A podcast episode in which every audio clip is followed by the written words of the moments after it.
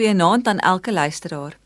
In hierdie laaste paar maande met die inperkingstyd word daar nogals in die koerante baie vinger gewys na mense waar daar beledigings is dat mense nie doen wat hulle beloof nie. Vandag wil ek vir 'n oomblik stil staan by integriteit. John Maxwell skryf die volgende: Integrity is being truthful by living in a way that matches your actions and words. In die Bybelse tyd was daar maar ook baie mense wat met integriteit gesukkel het. Dit is onder andere hoekom Johannes in 1 Johannes 1 vers 6 die volgende skryf: As ons beweer dat ons aan hom deel het en ons lewe in die duisternis, lieg ons en handel ons nie volgens die waarheid nie. In hierdie brief word God beskryf as die een wat die lig is. Dus as ons deel het aan God, dan moet ons in die lig lewe.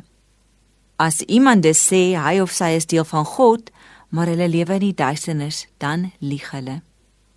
Ons sou ook kon sê dat so iemand nie integriteit het nie, want hulle woorde en hulle dade pas nie by mekaar nie.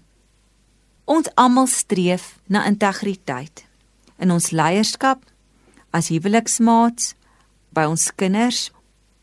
Ons soek graag by ons werkgewers integriteit dat jou woord jou woord moet wees. Maar het jy al ooit vir 'n oomblik vir jouself gevra, hoe lyk jou eie integriteit? Ons het baie keer blinde kolle in ons lewens. Ons bely, ons glo in 'n saak of ons sê dat ons iets sal doen, maar ons gedrag wys dit nie. Ons is anders as wat ons sê ons is. Daar's baie situasies in die dag wat 'n mens onder baie spanning plaas. En hierdie situasies maak soms dat ons nie met integriteit optree nie.